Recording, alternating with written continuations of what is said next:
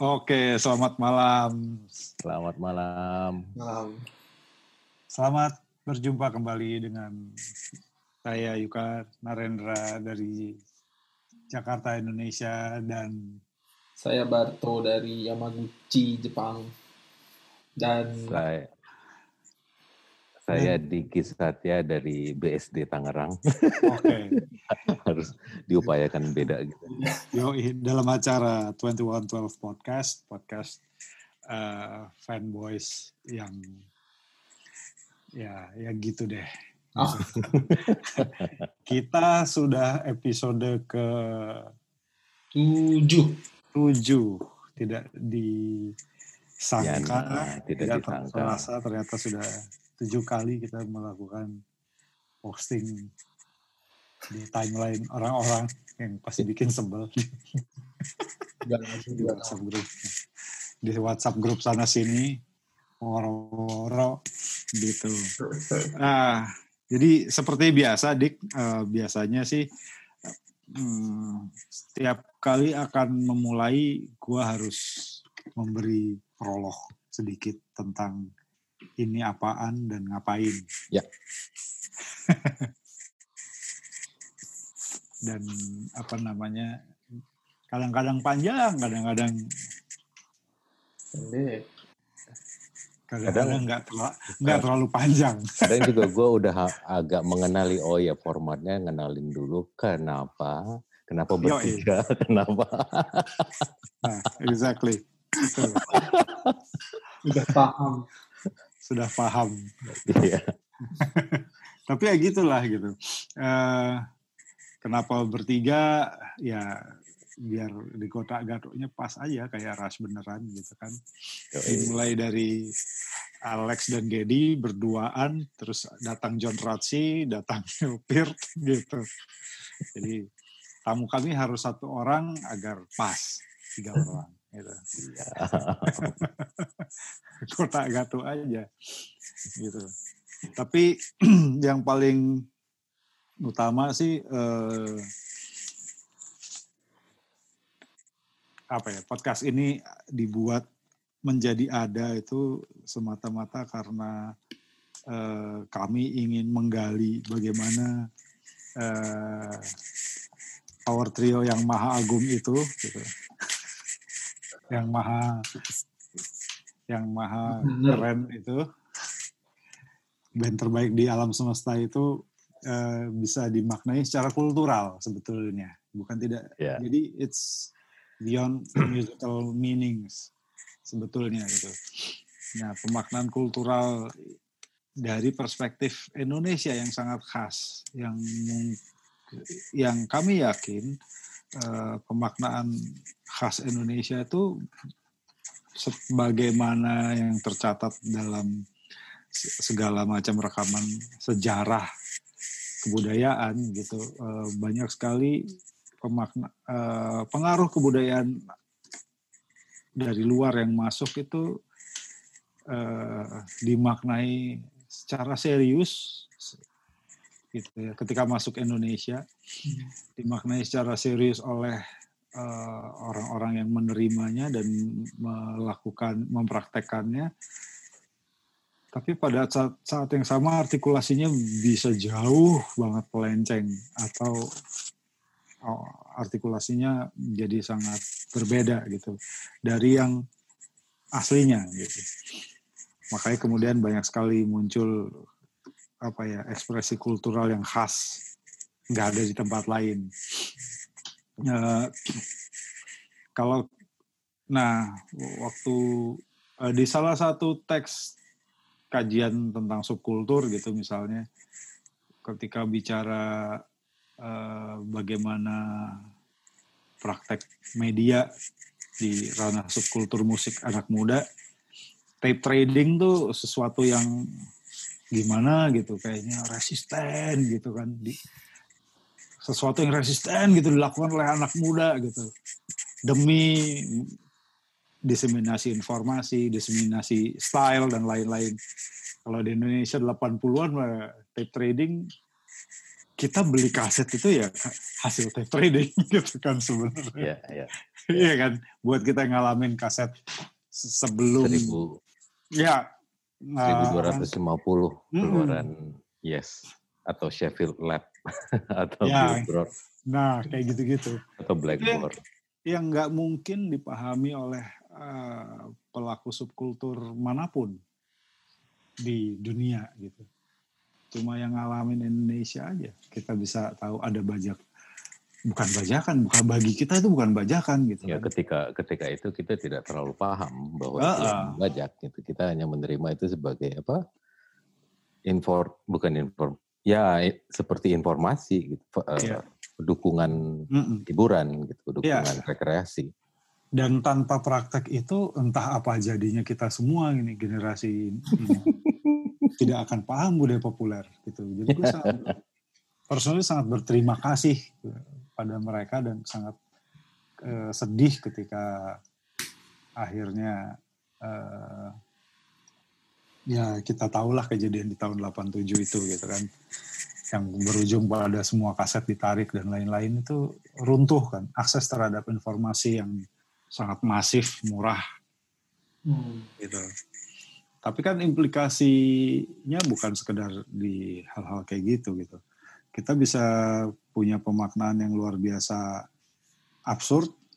Eh, misalnya dalam hal-hal yang yang seperti pernah gue sering kali bilang gitu bahwa kita sangat mungkin membayangkan sebuah band menerima sebuah band dengan seperangkat imajinasi kulturalnya ya segala macam itu eh tiba seolah-olah tumbuh aja gitu dari dalam karena nggak ada Sorry. referensi. Sorry, emang kejadian Apa tuh? eh, 87 itu itu tahun 87 ya? Eh, Bahwa ketika kita Udah Iya, harus kasus- mengkonsumsi semua yang legit. mulainya kan la- lapan, eh, pros- prosesnya berlangsung 87 sampai 89. Bob Geldof datang ke kita kapan? 87. 87. 87. 87. Masa sih? Tapi nggak ya. langsung jerot 87 dihajar, nggak kan berproses. Mohon maaf. Eh, Maaf. ya Ada apa di tahun 87 ya? Saya panjang ini. Oh, oh, oke, oke. Dia baru umur umur berapa tuh? saya baru lahir 87 bulan Juni. Baru lahir. Juni. Kalau drakor tuh ada reply 1988. Wah, Nonton juga kan. Ya. Jadi Bukan lebih nah, awal ya, Yuk? Enggak, enggak 87. 87 ya? Oke, Mm-mm. maaf. Mm-mm. Anyway. Tapi ya eh, sebelum nanti gu- eh, diceritakan toh gitu bagian yang situ tenang aja sebentar mumpung masih Oh, iya, masuk iya. Masih, masih prolog ya. Ah, ah. Nah, intinya sih eh, sebetulnya kami ingin merekam bagaimana apa ya kebudayaan berproses gitu kalau ngomong makronya Hmm. itu masuknya rush.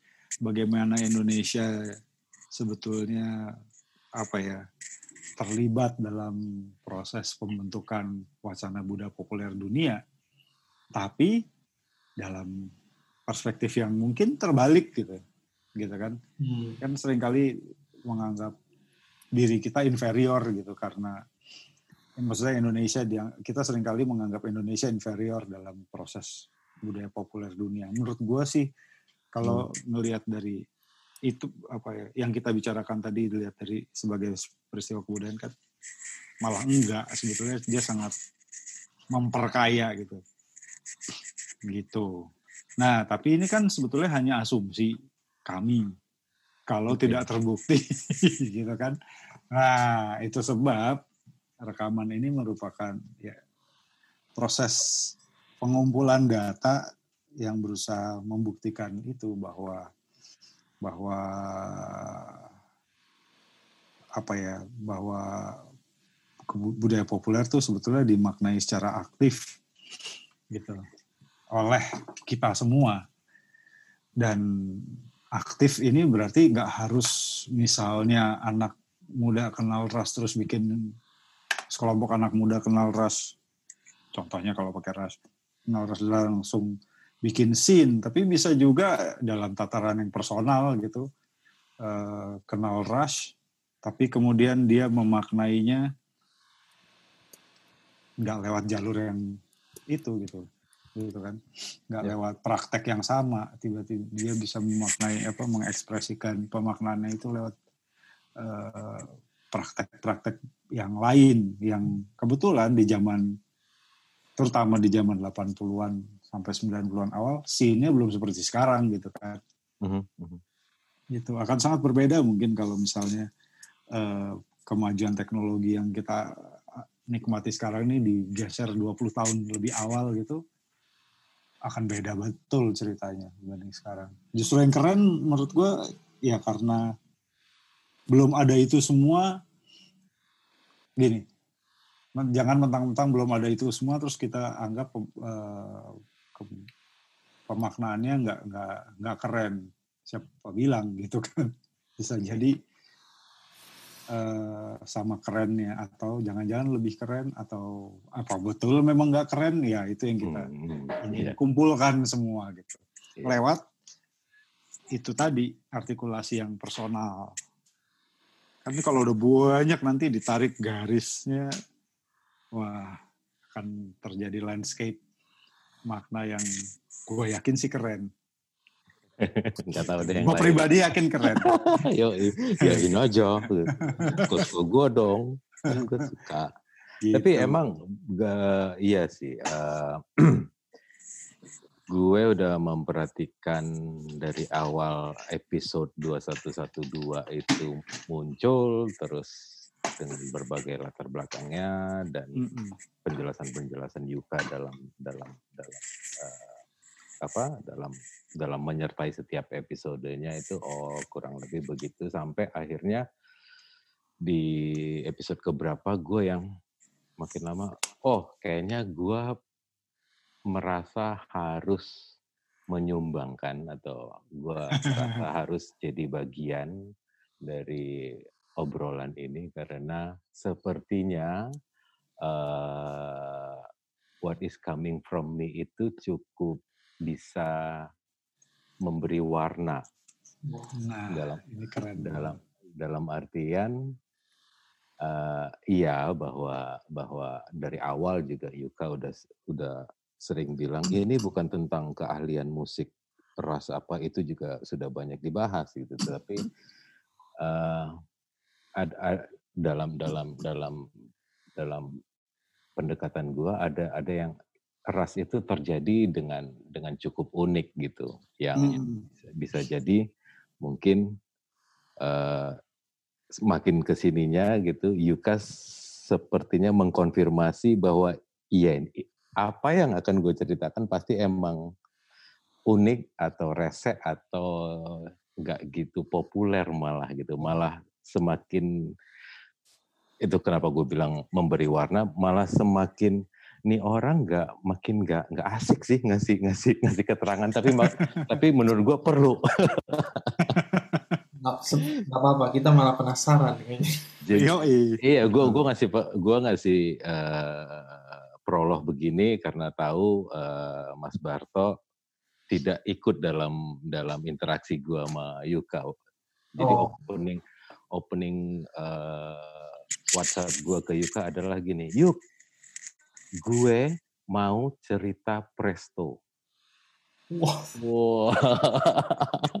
Yuka mungkin di, di seberang sana dengan sebelnya asik, seru. Kenapa? Karena ke sini sininya gue mengetahui Yuka itu enggak itu kayaknya gerbang terakhir Yuka masih mau seintim itu dengan Ras. Oke. Okay. gitu kan. Terakhir. Uh, Hmm. Ya kan, habis itu ada apa? Super, eh kok superconductor sih? Uh, Best for Echo. Uh, counter roll, roll the bones. Roll the bones. Counterpart. Yeah. Roll the bones, counterparts, Best for Echo. Paper Trails. Trail. Uh, tapi memang kurang lebih gue me, me, me, mengenyami sebatas uh, sampai counterparts Roll the Bones dan Presto di situ. Eh, jadi kurang lebih gue ada di dunia gue bukan mendalami ya, gue tertoksikasi sama ras itu di situ malah Oh, gitu. asik ini. Wah, ini Iya. menarik. Beda. Soalnya yang kemarin-kemarin kasusnya nih jadi jalan iman. Yang ini bagus nih diracun, teracuni. Ta- iya tapi mungkin mungkin ujung-ujungnya sama cuman eh, journey gue sampai ke ke ke grup rush ini punya itu tadi punya warna yang yang beda aja gitu Em, jadi gue gua gua kemarin balik lagi me- melihat itu kenapa gue tadi nanya apa itu benar kejadiannya 87 karena rush it, Ra- ya, eh, Presto itu keluaran 89 89. Ya, jadi eh, kalau mau balik sejarah kehidupan gue dulu adalah eh gue itu anak bungsu dari lima bersaudara Hmm. gitu. Jadi sepanjang gue mengenal musik di masa kecil, sepanjang gue sudah me- me- me- memegang gitar di umur 4-5 tahun, itu yang gue ketahui itu adalah Queen, eh, The Police, dan Genesis itu tiga yang paling Hmm. paling paling paling kental di di keluarga kita. Baru eh, in the coming days pasti ada The Beatles dan dan yang lain-lain gitu. Hmm. Pink Floyd, pokoknya. And anyway, eh, mungkin juga ini memberi keunikan lagi. Gue datang dari Medan Hmm. keluarga gua gua kecil di Medan gitu ber- bertumbuh besar di Medan jadi kekentalan musik yang sangat melodius itu sudah dari kecil terjadi di di di, di gue gitu Hmm. Ah, jad- ah, kar- ber- ber- berbasis dari situ eh, jadi ketika Presto terjadi di 89 secara umur sebenarnya gua itu ad- masih 14 tahun. Oh. Jadi sebenarnya lagi mencari jati diri Iya, lagi nyari-nyarinya itu. gitu. Tapi yang namanya Queen, The Police, Pink Floyd, Genesis, The Beatles tadi itu udah udah embedded aja gitu. Tapi eh, eh, pencarian jati diri itu tetap tetap berproses gitu, tanpa mengesampingkan eh, eh, eh, pengalaman musik dari kecil kan gitu. Hmm, hmm. Nah kebenaran dulu itu yang paling berpengaruh itu pasti memang abang-abang gue ya. Eh, eh, abang gue yang paling tua si Bang Togar itu saat itu dia lagi sekolah di Amerika di LA Oh. Tahun tahun 89 itu? Iya, sampai dia hampir enam tahun kalau nggak salah di di di di Amerika itu. Dan memang gue mendapat asupan yang cukup eh, unik lah pada zaman itu. Bayangin aja tahun 87 gue bisa punya kaos Appetite for Destruction. di dan dan dan sekarang-sekarang gue menyadari ternyata abang gue itu punya eh, kaos turnya Ras Presto ketika itu terjadi. Ngeselin gak tuh? yang gini, yang yang gini, hand Iya, scissor, iya, iya, iya. hand itu kan. Ternyata dia punya dan dan dia menyaksik dia menyaksikan Ras di di di saat itu. Eh, di situ dia bercerita eh, Ras ini dek kayak Pink Floyd secara suguhan eh, performance gitu. Eh, yang kita tahu The Wall Pink Floyd itu kayak mana mereka juga cukup atraktif dalam Mm-mm. dalam ini. Pokoknya dia cerita ya, ya dasar gua ya gua makan aja semua gitu kan. Iya. Oh iya ya, oh iya. Apa yang dia bilang deh gua oh gua iyain. Iya, iya, iya. Pasti ya. Iya, eh, dan tahun 89 itu kan memang juga lagi lagi eranya hair band metal Ya, glam metal. Ki- kita juga eh, ngomongin itu gitu tapi kebenaran eh, apa frekuensi abang gue itu memang jauh ter- lebih terdengar di di di di apa di di otak gue lebih gue serap gitu karena biar gimana pun ah, dia abang gue eh, referensi musik kita kurang lebih sama dan segala Hmm. macam makanya akhirnya ketika jadi ketika kami berbicara itu di di tahun 89 yang terjadi pada saat itu adalah presto. Nah, begitu.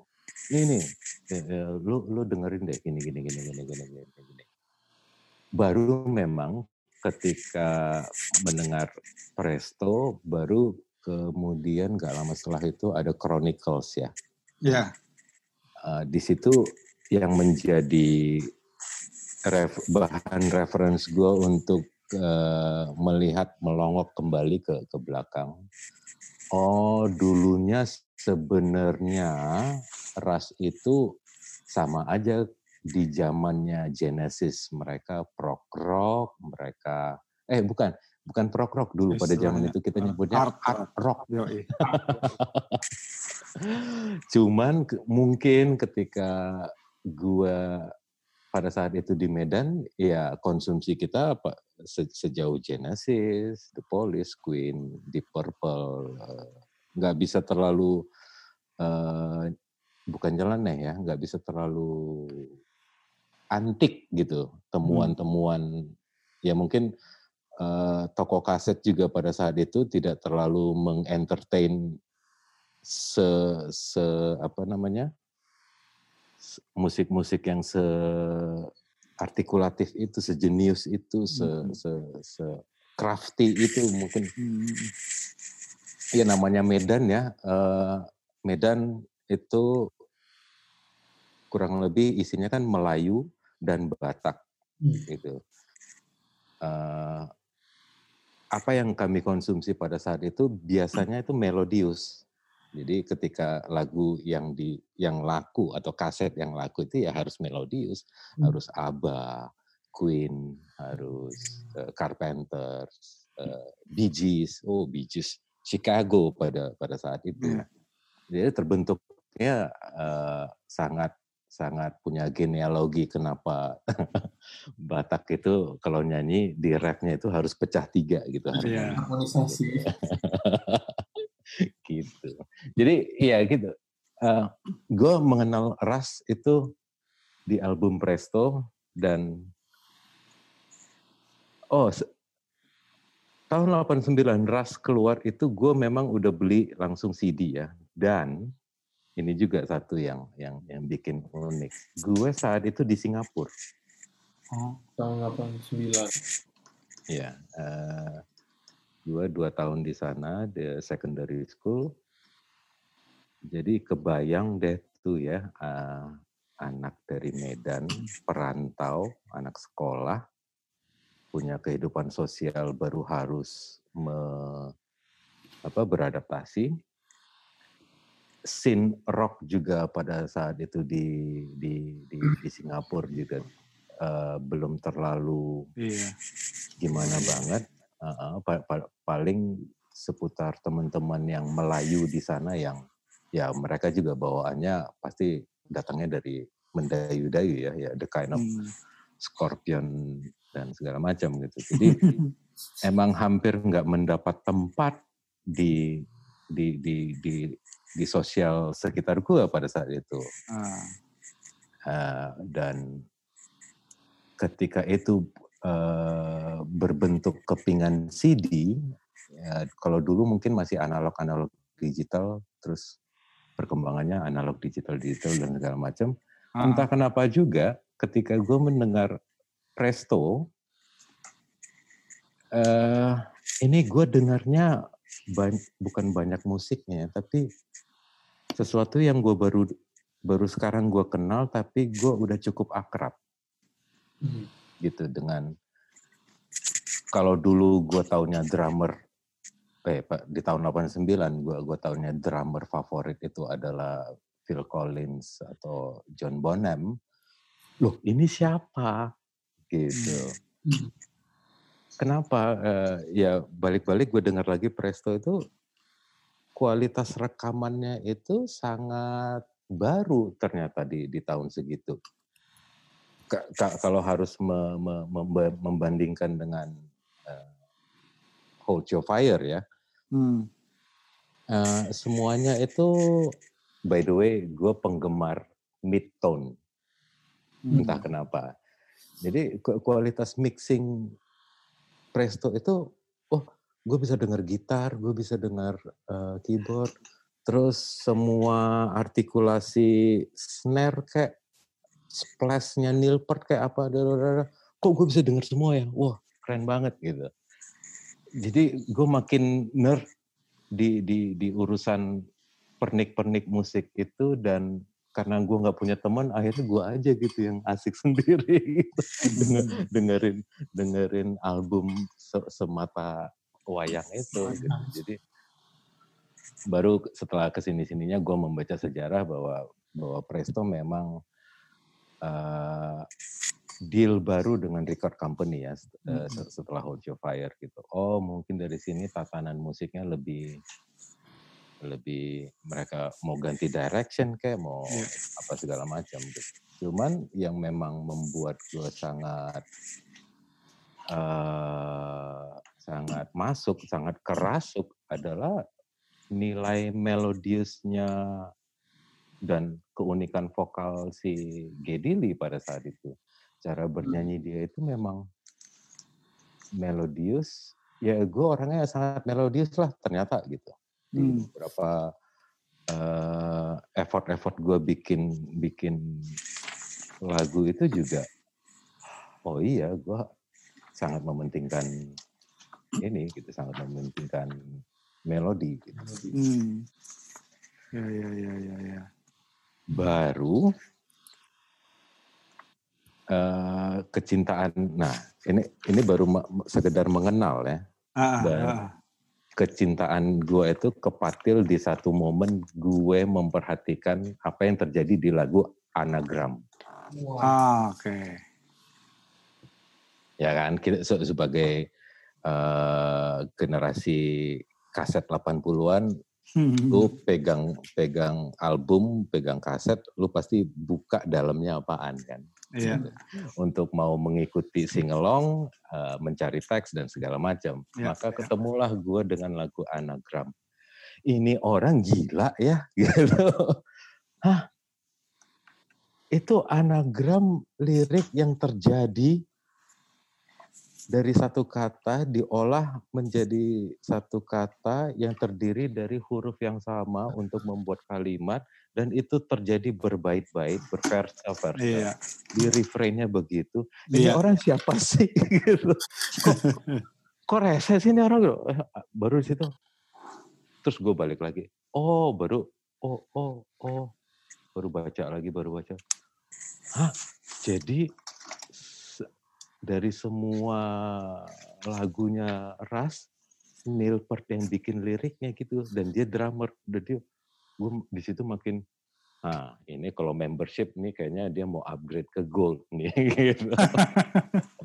wah ini dia udah mulai ini nih mulai tertarik. Iya uh, dan dan otomatis uh, ketika gue mengenal anagram itu akhirnya gue balik lagi di balik gua gua gua kupas deh tuh The mm Trees ngomong apa, uh, yeah. Bastille Day ngomong apa, mm. Manhattan. Akhirnya gua Project. Oh, nih orang puitis banget, bukan ya puitis sih, cuman pinter sih, cuman dan dan dan dan ketertarikan yang keminter keminter gitu kebenaran sangat beresonansi ke gue gitu kan. Jadi mm -hmm. selain uh, selain musiknya yang sangat well well played, well, yeah. sangat sangat rapi segala macam. Ternyata ini orang, uh, ya gue bilangnya orang belum belum ras gitu. Gue langsung agak-agak ini itu leaning towards Peart mulai ah. mulai di stage pendewaan. Ini orang gila nih, ini orang gila nih, ini orang gila nih.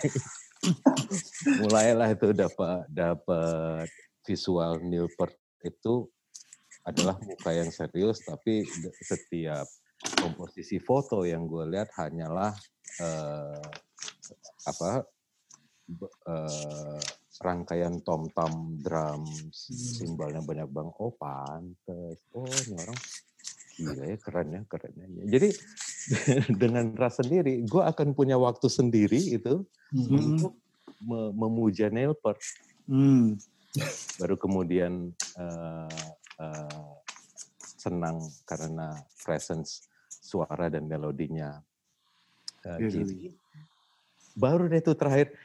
By the way Alex Lifeson sih sebenarnya oke okay juga sih cuman agak ketimpa sama dua orang ini sama dominasi dua orang ini gitu. Padahal motor nulis lagunya dia juga dia kan. Iya gitu. Oh gitu ya gitu. Jadi uh, karena gue berangkatnya dari Presto, ekspektasi gue di Roll the Bones juga uh, cukup terhibur gitu karena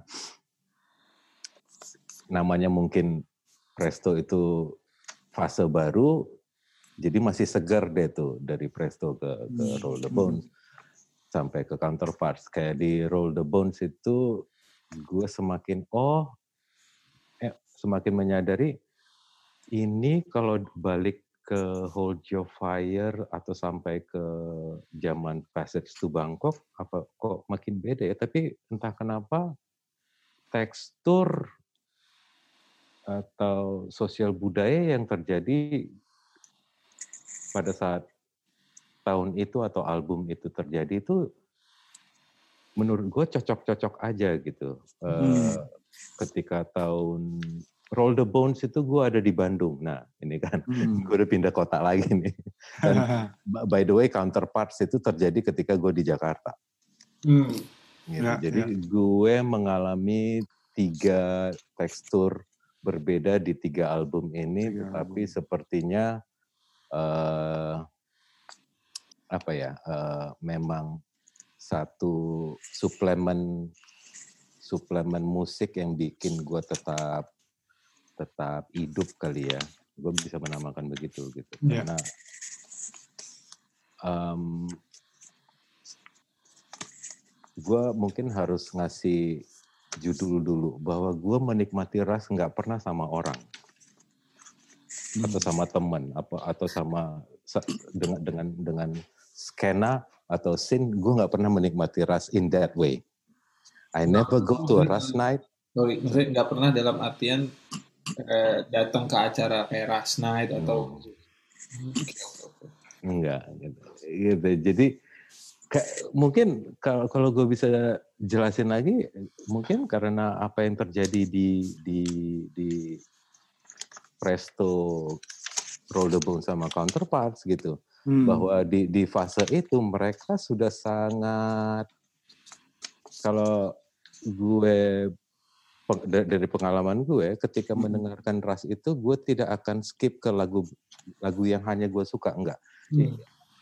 gue hanya akan me, uh, memasang itu berulang-ulang the whole record gitu ya. Ya entah itu gue sedang be, uh, pada saat itu bukan bekerja menemani bekerja.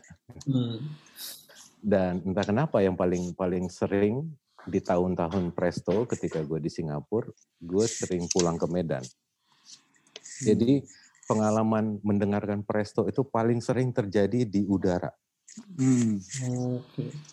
Gitu, paling sering terjadi di koridor-koridor airport kayak Alan Parson mungkin gitu ya. Tapi jadi bagaimana gue menikmati itu, bagaimana visual yang gue bisa rekam itu pasti pasti di pesawat, interior pesawat, ngelihat keluar awan, jadi kayak kawin gitu sama sama cover albumnya Presto yang awan hitam putih. In, in, in some of my imagination, it has always been black and white with Rush.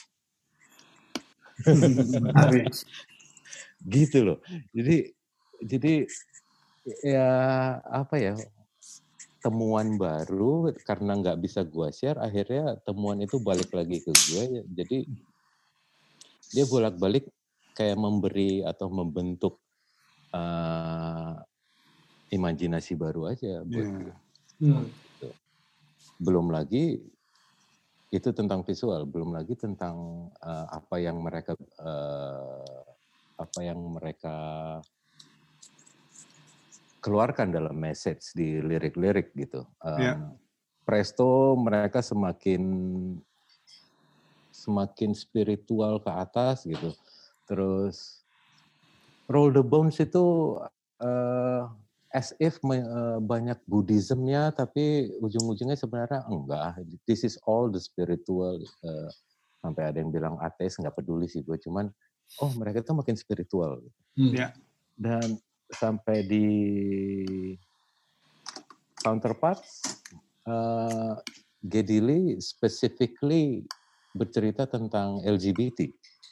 Ya. Yeah. Gitu yeah. yang no, nobody's hero gitu. Yep. Dari dari tiga rangkaian itu gue se, semakin bukan terbuka semakin bukan dibukakan ya, tapi memang kayak mendapat semakin mem membuat ras itu mendapat tempat di di di di referensi musik gua itu hmm. oh ini nih kalau mau main di high high higher nirwana kesekian itu ya ya ya mereka gitu hmm. kalau gue menggambarkan oke okay, kalau uh, gue punya kebiasaan kalau lagi perjalanan gue pasti akan bawa rush gitu. Dan biasanya yang gue pilih itu adalah uh, Presto, Roll the Bones, Hold Your Fire, baru Manhattan Project ya. Eh. Pokoknya lagu-lagu Power Windows. Power Windows. Pokoknya eh, lagu-lagu yang kalau gue menggambarkan secara visual itu, itu tidak di kiri atau kanan kuping gue, tetapi udah di batok atas kepala gue. Hmm. Jadi ngawang gitu. Terus eh, secara musikal itu mereka udah udah kayak awan gue berjalan di sebuah journey itu sambil sesekali di di di waktu di waktu-waktu yang tepat gue akan bisa sangat menikmati ini uh, caption caption dari lirik mereka. Hmm. Biar gimana pun ya kayak uh, gue paling banyak suka jatuh cinta itu di Hold Your Fire apalagi dengan lagu Mission. Wah. It, itunya tuh banyak tuh yang yang bisa dikutip tuh. gitu. Piroi. Uh, lo lo lo sampai nggak bisa milih akhirnya lo post seluruh iya. lirik gitu ibarat iya kan iya iya oh nah. yang ini bagus yang ini bagus jadi itu dari dari dari eh, jadi ke kekraftian keseluruhan ras itu kurang lebih membu, me, mengentertain satu ke, ke apa ya bilangnya keanehan atau kalau gue pengen menyendiri ya gue akan dengar ras hmm. gitu karena uh, the way I grow in the in the in the di lingkungan yang gue gua gua tumbuh besar itu bisa dibilang mungkin hanya abang gue yang dengar ras gitu hmm. jadi secara keseharian uh, I don't get to meet my brother that that day to day basis gitu ya tapi mm -hmm. ya udah akhirnya ini buat gua aja gitu mm. terus kalau ada yang eh lu denger ras nggak gue lihat dulu nih lu kalau cuman mau ngomong Tom Sawyer sama gue gue males sih. Jadi gue oh ya sekedar sih gitu. Karena karena gue hanya akan mau ngebahas ras kalau lu memang mau cerita sama gue tentang tentang lagu-lagu yang gue suka tentang tentang mission tentang hmm. uh, subdivision tentang gue nggak mau. Gue kesel tuh kalau kalau mereka hanya sebatas spirit of the radio sama Tom Sawyer. Nggak mau. Gue akan mm, enggak sih gue biasa aja sih dengarnya. Jadi intinya gue menghindar. Kalau kalau kalau gue predict this conversation will not enggak akan ke mana-mana itu hmm. agak gue gue batasin gitu. Jadi gue membiarkan diri gue loner dengan dengan uh, apa dengan Menarik. apa yang gue suka gitu. Nah. Bisa dipahami itu yang begitu-gitu Oh iya, iya. Kalau... Karena kan kadang-kadang yang kayak gitu suka maksudnya ya suka kejadian di, di, di kita juga kayak beberapa orang emang emang tahu atau tertariknya ya cuma di di, di yang, yang ngetop ngetop. aja gitu Tom Sawyer Spirit of Radio gitu. Dan itu pun maksudnya sebatas oh iya nih sulit gitu misalkan oh, sulit.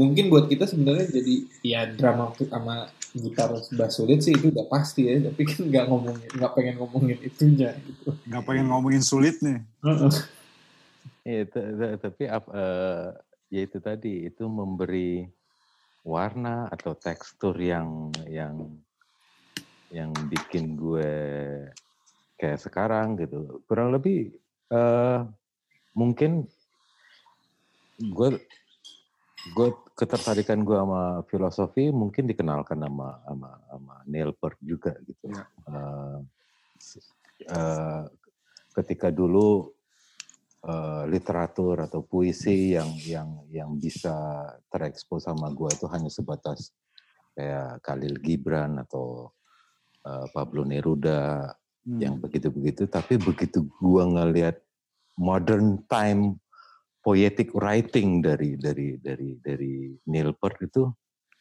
oh masih ada ya orang yang bisa ngomong eh, apa menulis kayak begini ya. terus terus terus dia ada di di di sebuah lagu dan uh, orangnya masih ada, orangnya belum mati uh, dalam format lagu dan mereka masih produktif. Hmm. Oh ada ya orang kayak gini ya. Kok makin dan akhirnya itu seperti tidak gue sadari itu mempengaruhi uh, bagaimana gue uh, oke okay, gue kan mendesain ya, mendesain graf uh, mostly visual grafis gitu hmm. kebawa itu itu kebawa ternyata um, sadar tidak sadar uh, me memanifestokan visual ras itu sangat kebawa uh, dari dari cara gue mendesain sesuatu hmm. gitu. kalau musik heavy metal mungkin ada dominasi uh, runcing-runcing yeah. api apa segala macam gitu. Tapi begitu uh, atau atau uh, seeklektik seberwarna Queen juga gue tahu bagaimana menggambarkan kalau desainer sukanya Queen itu desainnya akan seperti apa. Tapi gue sangat uh, sangat kebawa itu memvisualkan sesuatu itu seperti ras hmm. yang bisa dibilang eh, nggak uh, sepenuhnya harus mengawang-awang mengambang gitu tapi pasti ad, pengennya punya depth. Ya pengennya punya punya kedalaman. kedalaman uh, mungkin sunyi mungkin rapi sampai-sampai di beberapa kesempatan ketika itu adalah sebuah profesi, jadi desain gue sering ditolak. karena tidak umum, karena mungkin terlalu kaku, terlalu bersih, terlalu terlalu nggak nggak berbicara, terlalu oh ya ya ya, mungkin gue salah tempat gitu, mungkin gue salah ego, mungkin memang akhirnya sebenarnya gue tidak menjawab berita, tapi Hmm. Secara gaya gue sangat suka ternyata yang begitu. gitu. Menarik. Jadi benar nggak yuk? Gue memang agak nyeleneh ngasih ngasih. Menarik. Ngasih. Ini gue seneng ininya nih apa uh, ceritanya sangat sangat menyenangkan dan gue dari tadi apa uh, eh, gue kalau immerse gitu ya ke dalam cerita. Biasanya terus gue entah sibuk malah sibuk melakukan yang lain. Iya, iya, ya, gue juga biasanya menggambar-gambar. Ya, karena sebetulnya gue kayak mencerap dan mengekspresikan aku sambil ngerjain prakarya. Bikin kembang buat anak gua. Tapi ya ya ini yang yang hmm. kekayaan macam gini loh sebetulnya yang yang ingin kita gali gitu ya. dan kok ya lucunya ada pola yang sama dan terus berulang gitu dari cerita semua orang yang sudah apa ya bercerita di sini bertutur di sini gitu pola yang sama uh, tentang apa ya bahwa mereka mendengarkan ras itu modanya modanya moda soliter hmm. ya ya ya ya ya kan ya, sangat berarti sukses banget gitu Fir mengekspresikan individualitas gitu. Iya. Iya. Yeah, yeah, kan jadi gitu kan. sukses banget ya. Berhasil. Nah, dia akhirnya memang eh, memberi ruang buat orang-orang yang pengen punya bayangan yang berbeda gitu kan. Hmm. Ah gue ngebayangin ini ini gitu. Iya, yeah, Iya, lu baru iya, lu mengkonfirmasi ya. lu yang mengkonfirmasi.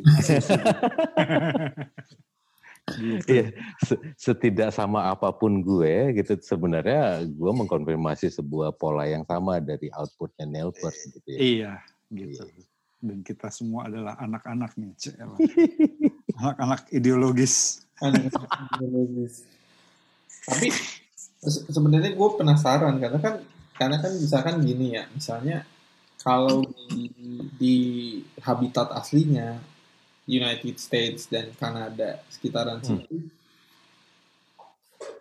mengakses ras itu mudah ya kan ya ya bisa nonton konser lu bisa ini walaupun dia tetap tidak menjadi mainstream konsumsi musik ya maksudnya dalam beberapa kasus kan cerita-cerita itu sebetulnya muncul bahwa bahwa menikmati ras itu memang sendirian. Orang pergi nonton konser tapi ya untuk memuaskan diri gue sendiri bukan bukan nggak tahu. Kalau gue ngebayangin misalnya kayak orang datang ke musik metal gitu nonton Hammer Sonic nonton Metallica itu kan ada semacam semangat collectiveness ya, ya tongkrongan uh -uh. gitu. tapi itu itu kejadian kalau misalkan dalam kasus kita di Indonesia mungkin kan bisa jadi gue menduga dulu mungkin karena aksesnya nggak ada ya. Kita nggak pernah nonton ras kita nggak kenal secara deket uh, visual ataupun uh, pertunjukannya gitu. Jadi ya udah jadi soliter tapi ternyata enggak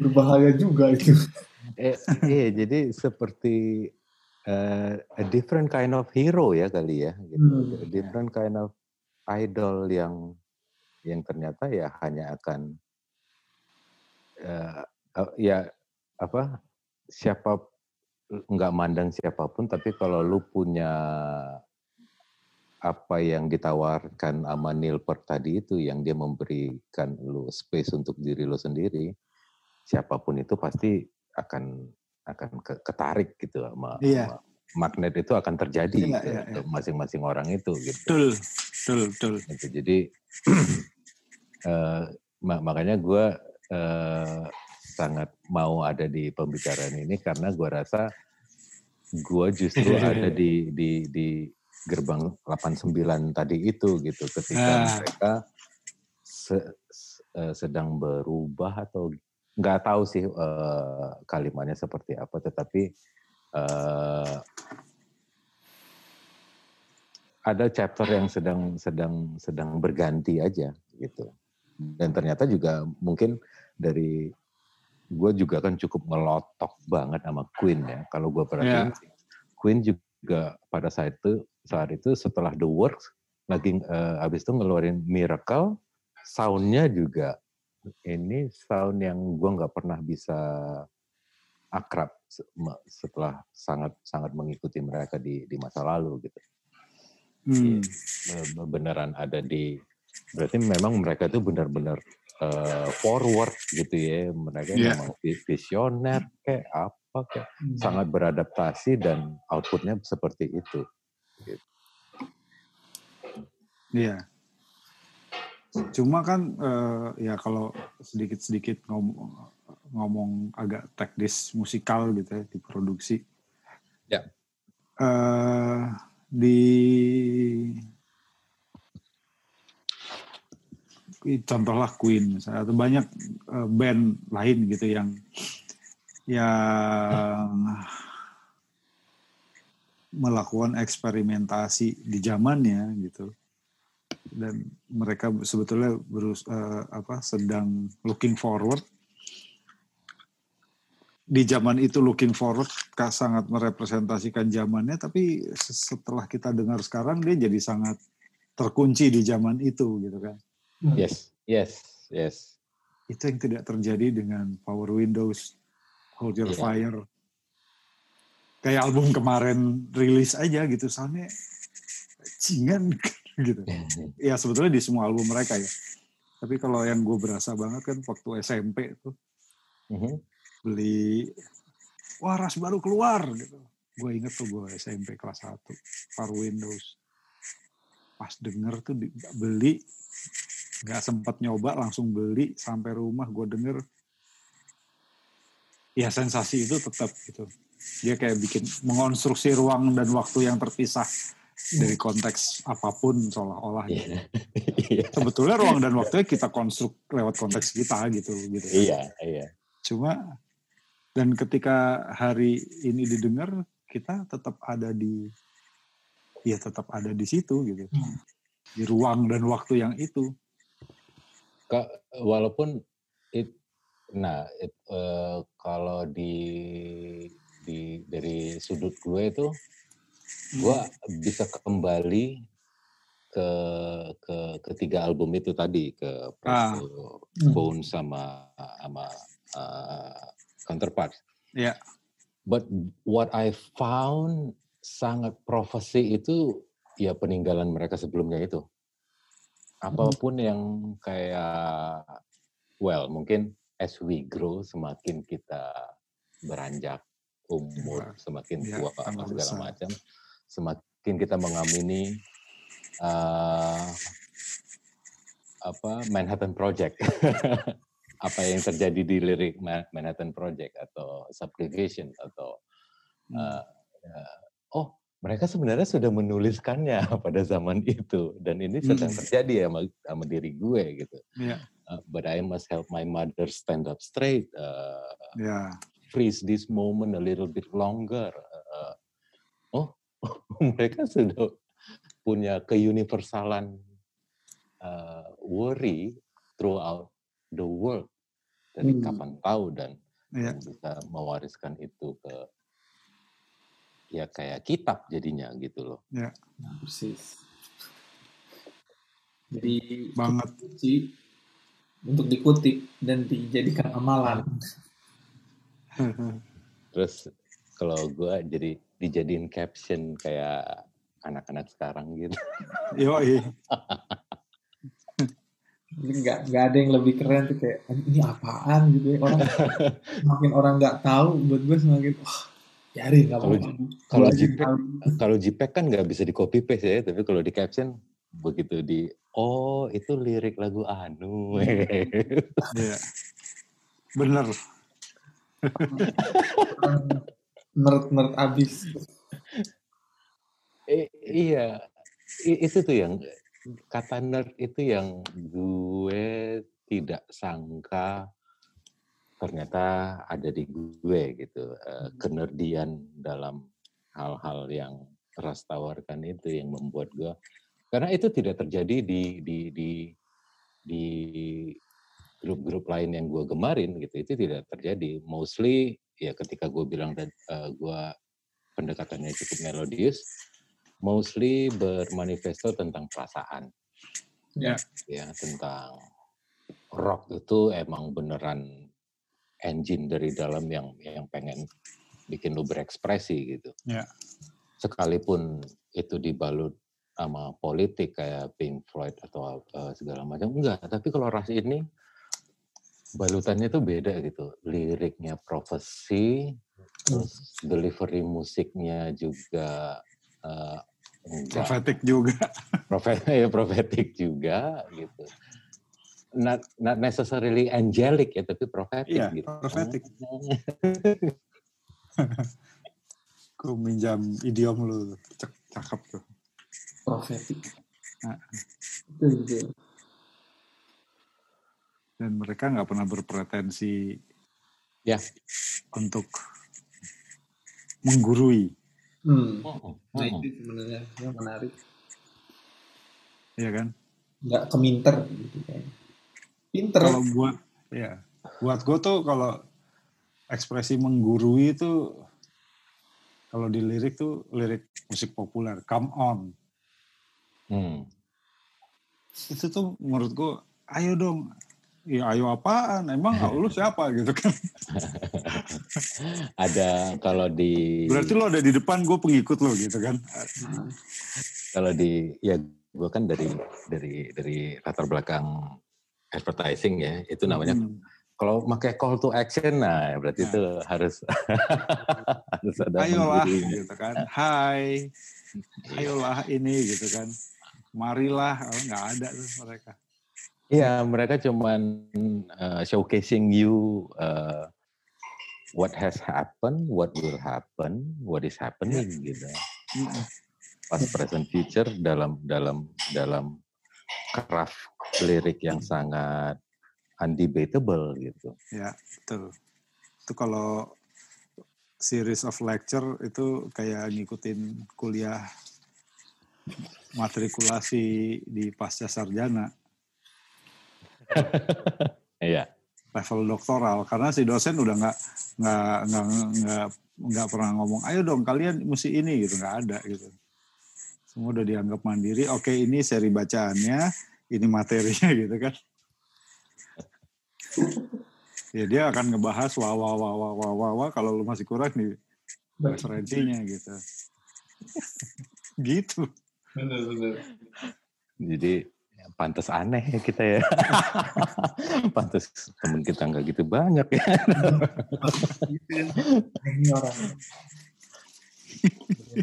Pantas awkward.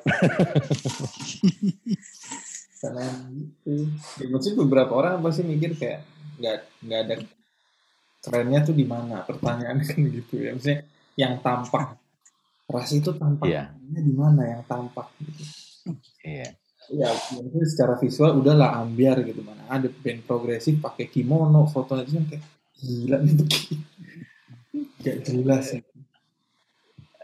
Se- sekiranya di dibilang keren juga mau well mereka kan ber, ber, berkompensasi dengan visual yang sangat keren ya Oh, iya betul, betul. A- atau ya atau seni pertunjukan yang sangat wow gitu ya.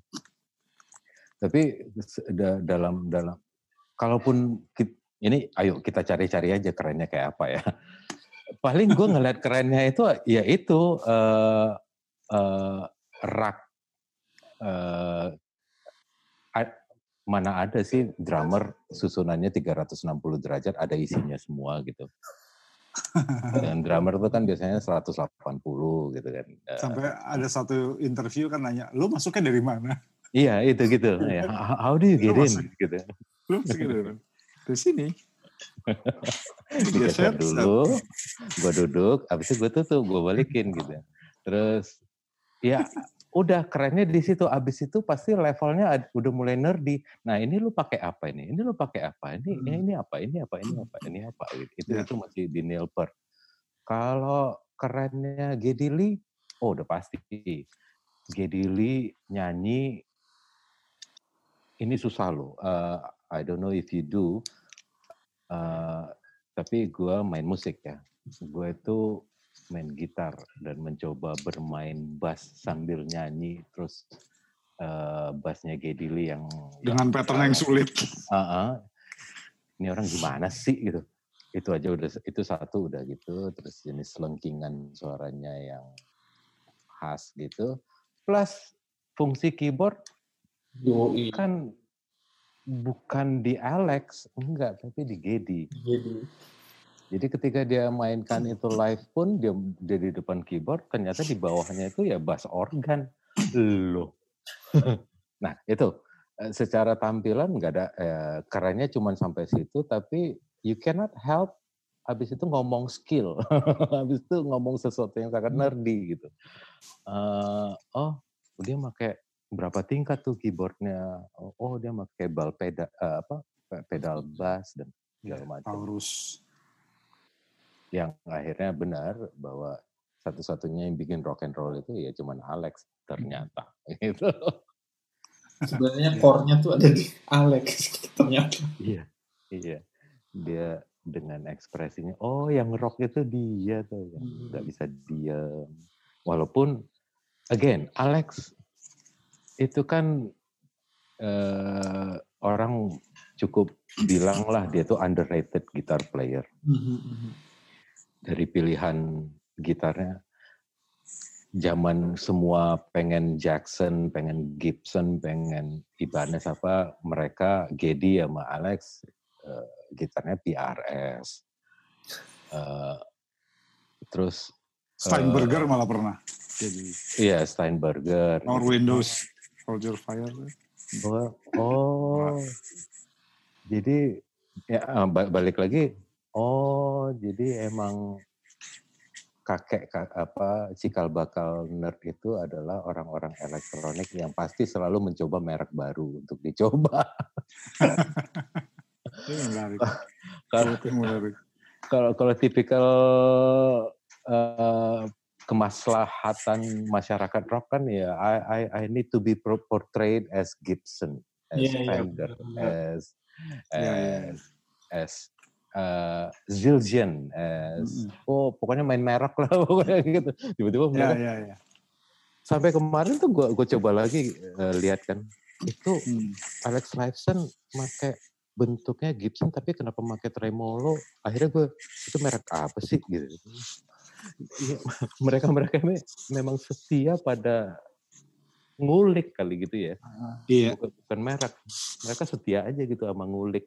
Eh, gimana kalau gimana kalau gimana kalau. Iya, persis, persis. Di lagu apa ya? Oh iya iya gue gue lagi eh, ini reminiscing lagi. Gue mencari lagu anagram ketika dimainkan live itu seperti apa gitu Nah, Eh, nggak nggak gitu banyak tapi dapatnya presto presto itu kan diawali dengan gitar akustik Hmm. I am made from the dust of the star and the Nah. in my veins. Lah Alex Alex main gitarnya yang mestinya gitar akustik, ekspektasi gue ternyata enggak gitar listrik tapi soundnya sangat terdengar akustik. Eh, terserah lu deh. Da- Dasar ngulik gitu. Oh, buat mereka sih mungkin sajalah ya udah mungkin repot harus ganti-ganti eh, gitar di stage. iya, mereka kan sangat stage oriented juga ketika bikin aransemen. Ini bisa di Iya. katanya ya ngomong sok tahu kayak gue ikut mereka Iya. pernah nonton mereka latihan gitu tapi kan katanya mereka sangat stage oriented nih kalau nggak bisa dimainin bertiga pas di panggung jangan deh gitu Iya, iya, iya. dan pakem itu agak mereka labrak ketika hold your fire Hmm. ya kan gara-gara Rupert Hines produser Yo, yang juga baru baru meninggal menyusul.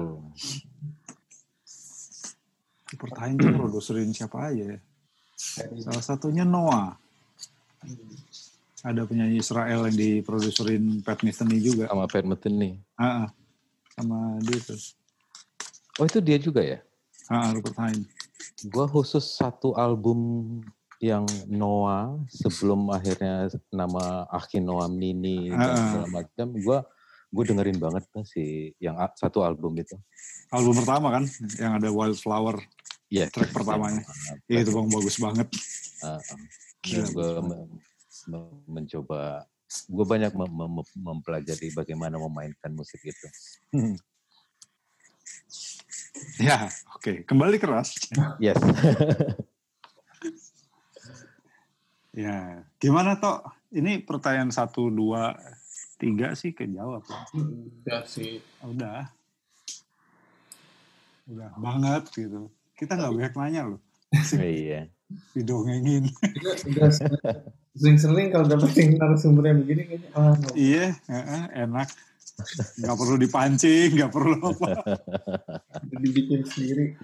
Tapi baik lagi mungkin tadi lu udah ngasih berapa berapa kali ya mas apa bagaimana kelas kemudian membantu lu dalam desain dan macam-macam. Tapi Mm-mm. hmm, beberapa kali narasumber kita kan sebetulnya sempat cerita eh, bagaimana kemudian satu lagu tertentu atau satu album tertentu atau ras secara keseluruhan itu kemudian eh, membentuk eh, apa ya karakter Cara berpikir, karakter.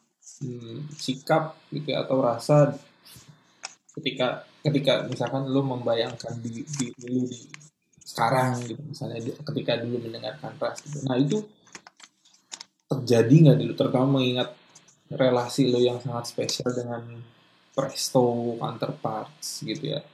Eh, apakah itu kemudian membentuk lo secara secara secara khusus? Kayak pertanyaan gue kayak pertanyaan ketika oke eh, para pendengar ketika pertanyaan tersebut dilanturkan sebenarnya eh, Yuka dan Barto bisa melihat saya sedang mengangguk-angguk cuman cuman eh, gini se- sebenarnya implicitly gua sudah menjawab itu. Hanya untuk mengkonfirmasi jawaban itu gue harus eh, agak permisif ya gitu. Nah, Kalau pertanyaan itu what does it make you now? kan kurang lebih begitu ya. Hmm. Sebenarnya gue udah jawab eh, bahwa I tend to be not theoretic, ya I tend to be bukan juga filosofis tapi eh, I tend to be prophetic.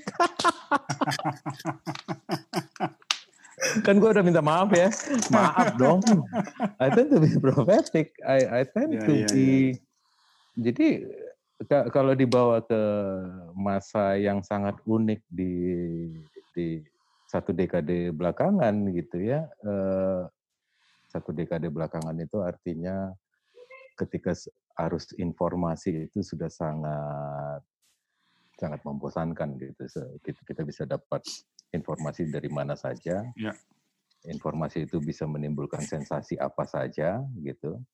Dan dan terserah kita mau bereaksi seperti apa saja gitu. Tapi lama kelamaan ketika gue mulai menemukan pattern apa yang terjadi di luaran sana, gue akhirnya bisa me, ya kayak gitu. eh ya mungkin sama sih seperti oke eh, agak agak agak agak agak privacy dikit ya.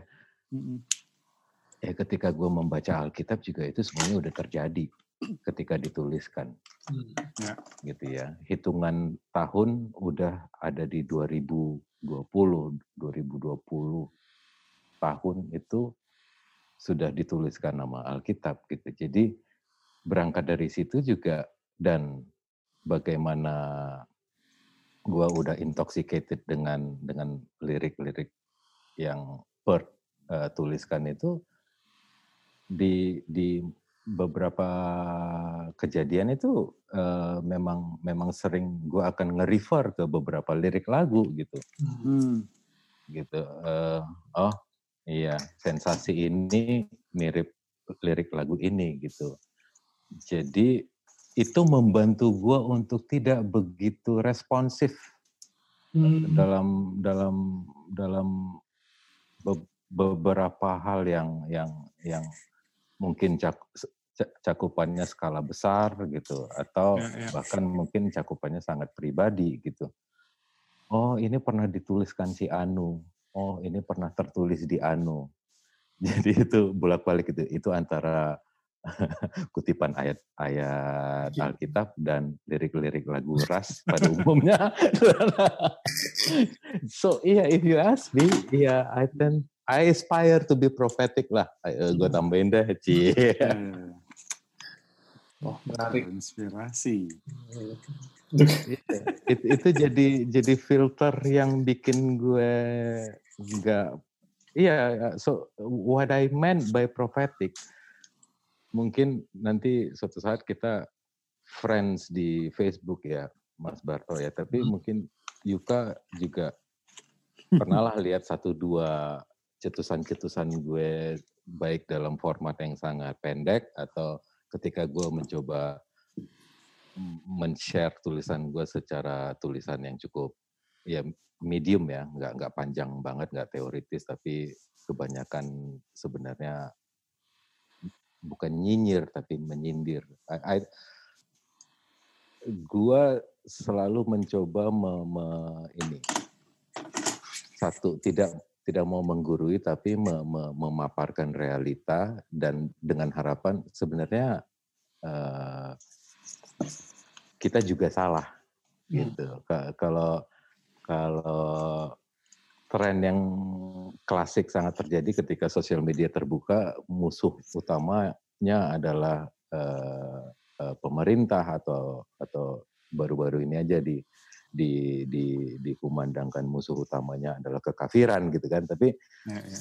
gue bertendensi untuk ya lu bilang kayak gitu gue kasih kenyataan yang yang sangat di sekitar deh gitu da dalam dalam dalam dalam reaksi gue mem memaparkan atau menawarkan tulisan-tulisan tersebut itu gue sudah tidak ada di level yang sangat reaktif atau bombastis atau rea, apa sangat yang itu tadi itu yang ayo yang yang ya ya ya.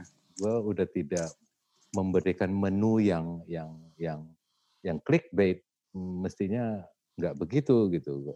Gue punya menu lain yang diharapkan bisa membuka horizon sebenarnya yang terjadi itu begini sebenarnya yang bego kita gitu.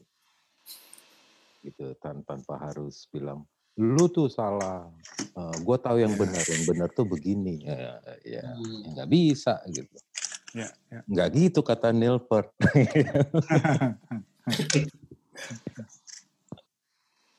Reflektif jadinya ya. Ya jadi reflektif.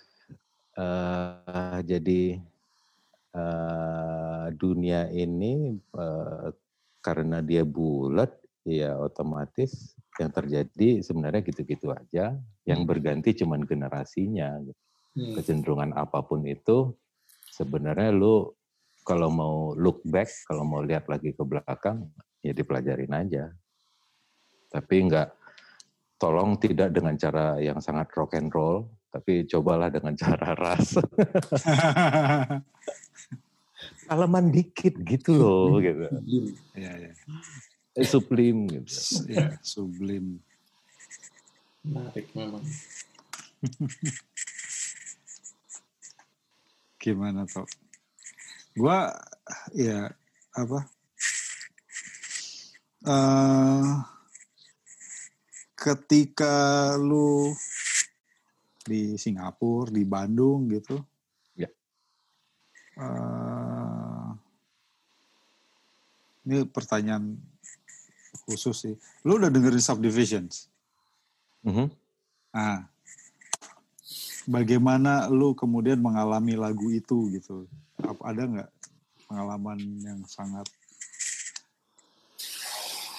pengalaman tertentu yang membuat lu kemudian memang merasa betul bahwa apa yang dibicarakan di subdivisions itu betul-betul emang lo terjadi dan konkret gitu loh. Uh, kurang lebih gue akrab dengan gue ini gue harus cari contekannya lagi dengan liriknya. Uh, uh, ya. Tapi uh, subdivision lagu khusus subdivision itu baru tahun ini gue dengar lagi dan menemukan, hey, this is subdivision actually happening, gitu. Ah. Uh, growing up it all ini gue lagi baca growing up it all seems so one-sided opinions all provided the provided features pre-decided detached and detached and subdivided into mass production zone. Siapa entah ada yang memantik itu lirik atau tapi itu yes itu itu sedang sedang sedang terjadi dan uh, sepertinya mereka akrab sekali sama sama atau mengenal sekali sama kecenderungan uh, corporation ya hmm. memang it, kalau uh, uh, dari tahun lalu ketika Hasan bin Haj punya show di Netflix itu cukup hmm. membuka mata gua gitu ya bagaimana apa pun perang yang terjadi di diawali oleh Amerika, uh, cobalah lihat uh, apa dinamika korporasi di sana ketika akhirnya korporasi itu mulai memainkan kepentingan dan segala macam gitu. Ternyata mereka sudah cukup cukup paham sama fenomena ini dan membuatnya dalam rangkaian kata-kata dan mm -hmm. uh, like it or not itu akhirnya sedang terjadi di dunia ketiga mungkin dalam hal ini. Gitu. Jadi nah. gelombangnya itu mulai sampai ke ke uh, orang-orang kayak kita begini, di culun-culun ini. Setuju, setuju. Ya, gue punya apa? Uh, waktu remaja gitu SMP merasa sangat teralienasi dengan segala macam dan gue waktu itu tidak tahu sama sekali liriknya Subdivision itu ngomong apa. Yeah. Gue hanya menghafal kata-katanya gitu tapi nggak tahu dia maksudnya apa. Emang kelas ya kelas 5, kelas 4, kelas 5 SD sampai SMP itu liriknya ini di gue gitu. Tapi makanya gue ingin apa namanya uh, bertanya ke banyak orang gitu. Sebenarnya yang lu yang lu rasakan atau lu ketahui tentang lirik itu gimana gitu. Karena gue kalau gue pribadi gue betul-betul paham uh, dimensi visionernya Neil Peart ketika gue akhirnya paham liriknya Subdivisions waktu kuliah. Tapi zaman gue SD dan sampai SMP, gue eh, SMA juga, gue hanya merasa lirik itu resonate gitu, beresonansi dengan gue di pada tataran tertentu yang gue nggak bisa jelaskan gitu. Gitu. Makanya nah. dari cara lu bertutur tadi, gue jadi kepengen dia ininya tentang lagu itu gimana gitu. Jadi pengen tahu juga. uh, ya itu, ya mungkin ka, kalau yang ngel ngelotok banget uh, ini tuh apa ngelotok banget liriknya itu memang ada di beberapa lagu, tetapi memang khusus untuk subdivisions ini baru sangat beresonansi ke ke ke gue ya. Baru sekarang tapi mungkin mirip yuk. Mirip gitu uh, me, me, me, menyadari bahwa gua lah dulu uh, ya yang yang mereka tulis itu gitu. Nah uh, apa con, conform or, or be cast out uh, Be cool or be cast out. Be cool or be, be cast cool out. or be cast out. I find it gue emang dulu agak awkward, agak agak riku. Hmm. Bukan karena sesuatu yang apa ya biasanya kalau kalau cerita-cerita yang sangat umum adalah anak ini awkward karena dia apa iya, karena yeah, yeah. dari package-nya mungkin karena sosialnya seperti apa atau apa hmm. atau apa gitu tapi Enggak, um, adalah uh, gue bisa mengerti sekali kalau uh, kalau gue baca lagi liriknya, gue bisa mengerti sekali kapan itu terjadi ketika gue di usia remaja, ketika gue nggak nyambung sama emosi-emosi darah muda begitu, Hmm. ketika gue lebih memilih untuk suka hal-hal yang filosofis dan kemudian gue menemukan uh, ras, iya sense of aneh itu dalam skala remaja itu ada di karakter karakternya gue, tapi begitu kenapa gue bilang ini baru beresonansi sekarang, itu setelah gue melihat apa yang terjadi sekarang itu sudah tidak lagi, cie, gue bukan mendramatisir ya, sudah tidak lagi cocok sama gue gitu. Akhirnya gue cast out lagi. Hmm. Apa yang terjadi eh, pandangan umum Ya. di sekitar gue sekarang itu adalah sebuah keseragaman yang yang menjadi standar gitu. Eh, dan itu sangat gue perhatikan sekali. Setiap mall yang second dan kelas 2 dan kelas 3 itu di di Indonesia ini seperti harus punya keseragaman, harus harus punya vendor yang sama. Ya. Gitu, harus punya merek donat itu, merek minuman bubble tea itu, merek merek eh, eh, restoran yang rasanya itu itu aja itu di situ gue mem- memasukkan lagi subdivision itu gue makin di cast out sama dunia yang eh, sepertinya luput dari perhatian gue tiba-tiba gue di cast out lagi gitu. Ketika mall itu dulu sebagai luxury tier kedua dan ketiganya itu dibikin seperti sebuah luxury. Akhirnya lapisannya kok makin makin berlapis makin ya sorry sih menurut gue makin rusak sih.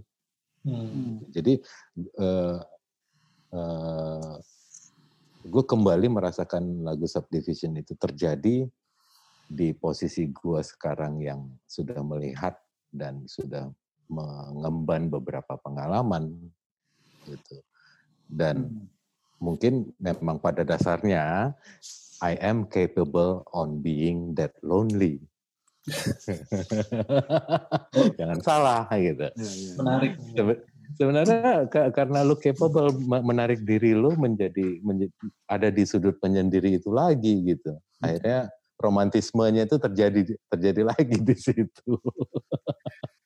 Jangan kesendirian itu menjadi kemampuan sosial juga sebenarnya ya. Iya. Iya, iya bisa. Kalau gue mencoba merespon yang bisa ta- tadi lu cerita gitu, itu kan sebenarnya kondisi juga sama ketika ya sosial media masuk gitu, sama misalkan generasi-generasi gue hitungannya milenial lah ya gitu. Hmm. Nah, Ya cuma maksudnya kan awalnya awalnya si sosial media ini kan juga di- di- ditujukan untuk masing-masing orang menampilkan identitas mereka yang unik gitu. Tapi lama kelamaan terkontrol lagi kontennya begitu gitu. Ada yang ada yang begini, ada yang ada yang bikin kayak review, ada yang vlogger apa segala macam sama semua konten dan Iya, maksudnya kayak gitu. Wah, anjir. Ini, ini subdivision berikutnya. Jadi kayak, oh lu gak punya Instagram. Kayak ya itu gitu kan. Ya. Padahal itu juga pilihan. Kayak lu bilang tadi gitu soal ketika orang udah merasa jenuh dan memutuskan untuk menarik diri dari keramaian ini, itu sebetulnya jadi jadi life savernya dia gitu, jadi penyelamat hidupnya dia sendiri. Karena kalau enggak kan ya lu terus-terusan capek di, dituntut untuk jadi cool terus gitu kalau menurut subdivision kan Iya. gitu. Padahal kita sudah menemukan cool kita sendiri. Ya. It is cool to be alone. Gitu kan. Iya. To be alone and to be lonely. Orang lonely. ya, ya, ya, ya, ya. Ya, ketika to be alone and to be lonely itu kalau di tahun 2020 itu memang eh, ironisnya pertahanan yang akhirnya gue punya karena ketika gue melongok keluar pun banyak banget gitu kesiapan mental yang harus di, di, di- Dimiliki. Ah, ah, gitu. Eh, dan mungkin juga it- entah itu mid midlife crisis atau gue sih nggak mulai nggak percaya sama midlife crisis sih karena itu itu definisi yang dibuat tahun berapa kali gitu yeah. karena di tahun 2020 itu jenis varian um, grup age itu nggak nggak bisa terlalu jadi patokan gitu. Gue masih bisa merasa up to date in in in in certain dimension to to to which other people think it's not so or, or uh, ya memang ada aja di umur 40 yang merasa dia udah harus seperti orang tua pada pada zaman Orba gitu kan. Tapi ya. dinamika yang terjadi kan nggak nggak begitu. Nggak gitu. begitu. Sampai uh, eh, gue kemarin tuh bilang sebenarnya romantisme menolak tua itu adalah sebuah iya. kelupaan yeah. bahwa dia itu sebenarnya tua gitu. Hmm. Jadi jangan Gue membaca membaca statement itu. Jadi jangan ter, ter, terperangkap sama romantismenya sebenarnya gitu. Kalau kalau kita mau yeah. tetap observe and and willing to be worried constantly, artinya ketika kita mendapat kegelisahan itu kita mau mencari format baru, bukan bukan sekedar renting doang enggak sih gitu. Cuman ketika lu observe dan itu membuat lu gelisah, gue akan selalu terpacu untuk oh e, memikirkan ini trennya ke depannya gimana ya. Justru gue malah malah pengen ke depan gitu. Ya. Justru dalam hal ini in in my case uh, uh, I I want to be like Moses sedap.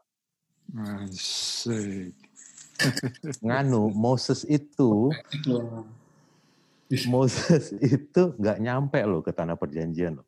Hmm. dia nggak nyampe loh. Benar. 40 tahun mereka jalan tuh nggak nyampe, tapi ya dia lakuin supaya generasi berikutnya sampai uh, sampai. Mulai ke arah altruistik nanti. gitu. Lelaku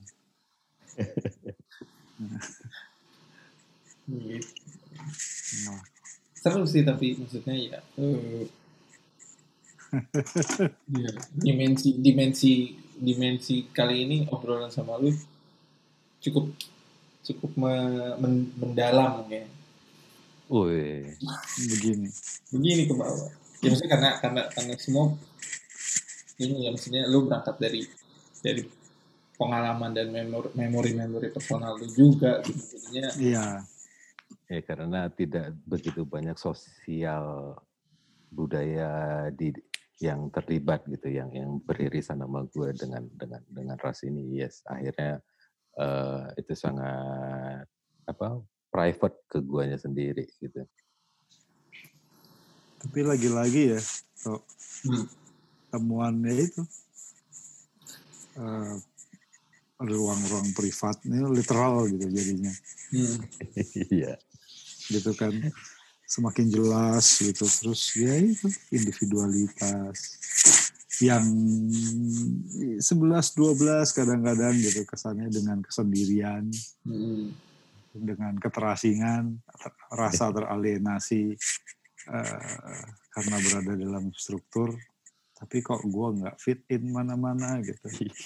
Ini pola ya, yang hampir semua, hampir semua, bukan hampir, dari pertama kita ngundang tamu, ya begini terus gitu.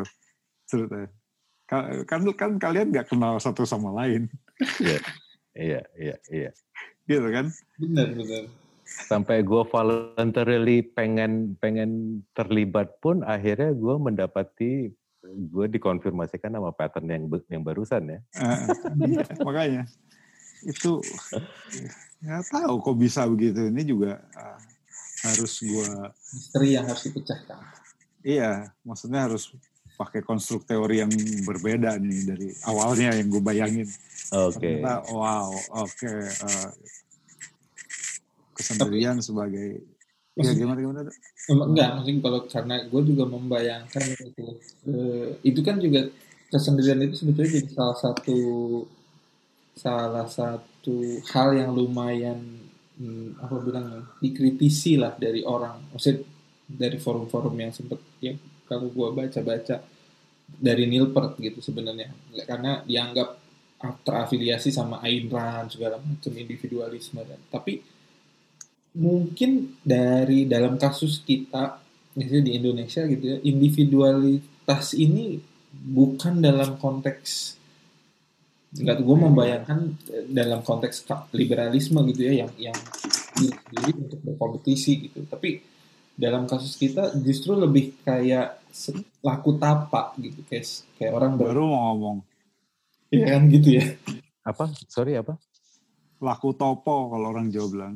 E, dimensinya spiritual. Oh. E, kayak orang nyepi. Kayak oh, orang okay. ziarah gitu ya Ha-ha. bukan yang individualitas yang yang gua yang dibayangkan dalam dalam konteks ini ya dunia barat gitu ya yang pengen maju sendiri terus nggak mementingkan orang lain tapi ini kasusnya sebetulnya ya itu tadi kayak kita lagi semedi gitu kita kayak oh, oh reflektif lah gitu jadi. reflektif ketika dia yeah. keluar dari semedi juga tidak dalam konteks uh, ini uh, turun gunung enggak gitu. Tetap aja kale iya. Enggak malah jadi jagoan yang yang yang habis turun habis semedi gitu. Kan orang kan bilang wah si Anu turun gunung. Ya nggak gitu juga. Tetap aja seperti aja gitu. Iya. Kalau apa namanya uh, individualitas yang kita sering dengar gitu kan uh, uh, bingkainya kerap kali apa ya merujuk pada perayaan akan kebebasan individu, hak-hak individu, narasi yang sangat sangat modern gitu. Dari situ wah kemudian kita bisa merasakan perlunya gitu. Kemanusiaan gitu. Karena dari individualitas itu adalah nilai-nilai kemanusiaan yang mungkin bisa ditemukan atau apa. Eh, kayaknya nggak intinya nggak nggak begitu sih gitu. Ya. yang yang diceritakan Barto tadi kan uh, ini lebih seperti uh, ya ada dalam narasi kebudayaan Asia Asia Tenggara sama mungkin gitu kita punya sejarah itu ngelakoni sendiri mm -hmm. gitu kan menyendiri bukan untuk bukan karena teralienasi tapi untuk menjadi yang lebih baik pada saat yang sama gitu ini struktur kebudayaan yang sudah terlanjur barat di kita ini hmm. Mengondisikan kita juga untuk ya itu konform atau kita akan terasing gitu hmm. jadi kesannya tuh jalan spiritualnya ketemu karena kita nggak bisa masuk ke sistem yang yang besar tadi gitu kan. Iya, iya, iya. Padahal kalau di kesendirian yang dibicarakan Barto tadi kalau dalam kebudayaan Asia eh, khususnya Asia Tenggara yang laku tapa itu kan nggak harus karena lu masuk ke sistem apa nggak bisa masuk ke sistem baru lu itu enggak gitu karena modusnya adalah untuk memperbaiki diri, reflektif. Emang dan mungkin secara trade emang masing-masing orang itu sudah punya gitu, sudah hmm. sudah punya kapabilitas itu gitu. Uh, gue juga sebenarnya punya sisi sisi-sisi yang sangat ekspresif dalam dalam dalam dalam dalam beberapa hal gitu. Tapi ya itu tadi um, untuk trades yang seperti ini ya gue dikonfirmasi sama sama sama ras ini dan ternyata oh ternyata gue punya loh sisi sisi yang seperti ini bukan bukan bukan penyendirinya ya tapi sisi ya. yang bisa uh, mundur dulu ke belakang hmm. lihat uh, menjauh dulu ngelihat lagi gitu dan untuk apakah untuk kembali masuk ke arena untuk untuk ber berperang lagi terserah tapi it is just peaceful to accept that lu itu bisa lo narik diri bentar Hmm. Ya. untuk untuk untuk jaga jarak. Menarik. menarik. Betul. Eh, seperti biasa tugas saya kan sebenarnya mengingatkan waktu gitu ya. Salah satu. Salah satu. Ini rekor kembali pecah hari ini. Sudah masuk ke 100 110 menit, Bapak-bapak. Anjir. Serius. Oke. 10 hampir dua Hampir jam. dua jam. Hampir dua jam. Ya, 10 ya, menit ya. lagi dua jam. Nggak kerasa loh. Ya udah langsung pertanyaan terakhir deh. Oke, Semoga bisa dijawab hanya, hanya kurang dari 10 menit. Kalau lu ber, ya berandai-andai gitu, ketemu mereka, eh, lu mau ngomong apa? Apakah spesifik kepada salah satu orang atau ke bandnya? Tapi apa yang ingin lu sampaikan ke mereka? Eh, gua bisa membayangkan kalau gua if I ever get the chance to meet them specifically Ah, ah, or ah, ah. or my idol in in in in general gitu ya Mm-mm. pasti gua akan starstruck eh, dan nggak nggak nggak guna kayak menyiapkan segala sesuatu hal kecuali itu memang format resmi interview gitu Mm-mm. gue pasti nggak bisa ngomong apa-apa sih. Eh, pas, tapi kalau I only wish gue ketemu mereka di sebuah format yang sangat santai dan menjurus ke ke, ke musik gitu. Dalam artian ketika ketemu mereka itu di ruangan itu ada piano atau di ruangan itu ada gitar akhirnya kegemetaran gua sama Starstruck itu bisa termanifestasi dengan jamming bareng. Wah, jamming bareng? Cuman ngelihat ya gitu itu eh, hanya melihat mereka ada di situ aja lah gitu. Dan oh, gue punya trik sih. Biasanya gue akan ajak temen gue, tolong ya, lu standby, gue akan ngomong sama orang itu, dan lu ambil foto, dan lu ambil candid. Gitu, ini taktik. Jadi tidak tipikal foto bersama idola yang nunjukin jempol apa gitu enggak. Tapi as if gue lagi ngomongin sesuatu karena itu foto kan. Jadi Ya, nggak ya, perlu. ya. Jadi ya kalau kalau kalau dalam hal suatu saat gue akan ketemu Geddy Lee sama Alex Lifeson, uh, gue nggak nggak ngerasa gue menambah value ya kalau gue bilang, eh you are my idol, Uh, my life has changed because of you. Mereka juga pasti rikuh ya. Gue yakin sih mereka berdua pasti rikuh, apalagi kalau Neil Peart masih ada gitu. Ya, I, I I just want to have a very mutual moment from them sih. So it doesn't translate as as as a praise for them. It Hmm. doesn't translate as a eh, foto dengan sekian likes ketika gua post enggak enggak ke situ sih Hmm. cuman gue bisa yang gue gue akan ingat kalau ada fotonya terus ya udah gue again ya balik pengen ke guanya aja nggak bisa dirame-ramein gitu nggak sesuatu yang selebratis ternyata enggak gitu Ya. enggak enggak enggak enggak Ya, ya. iya ya gue nggak kebayang sih pasti mereka entah basi atau ikutan awkward kali ya kalau ketemu Ya. "Hey, I'm your I'm your fans. I- I- I." Kayaknya kita nggak di level itu gitu secara secara apa ya secara apa yang udah mereka berikan dan apa yang udah gue gain dari musik mereka gitu. Hmm. Nggak dibingkai itu yuk, nggak Ya, dibingkai. ya, ya. Paham. Yeah, yeah. Nggak gitu. Oh, Wah, oke lah. Ini dua jam ya. Ini. dua jam. keren, keren, keren. Anjir. rekor rekor terbaru Oh ya? Wah, Apa sih? Podcast sih nggak apa-apa lah kalau kalau podcast mah Iya. Ntar YouTube kalau kita taruh YouTube dua jam habis kuota orang Iya. Pada ngomel kalau kalau itu. tapi Gila, seru dua jam. obrolan kita hari ini Seru, sih seru, seru, seru. Menyenangkan Gue sekali. akhirnya udah bisa mendokumentasikan apa yang tak terucap selama ini gitu ya. Wih. Iya dong. Gue ngomong ke siapa coba? Iya, bener.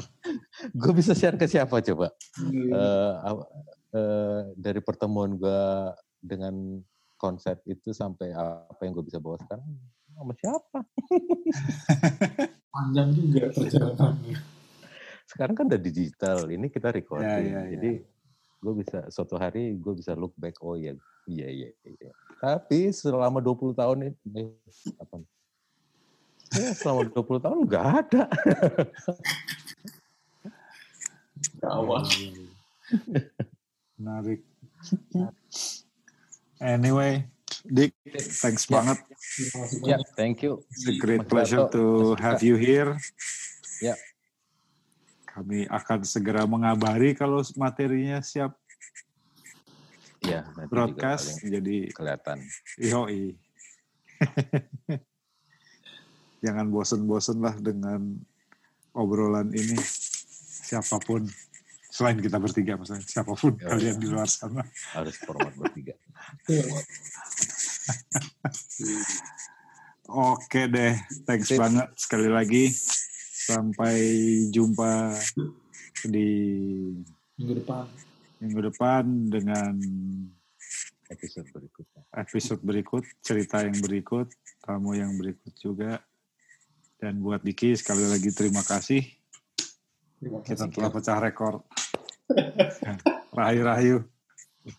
selamat istirahat Selamat istirahat semua. Thank Yo. you. Mari. Bye bye.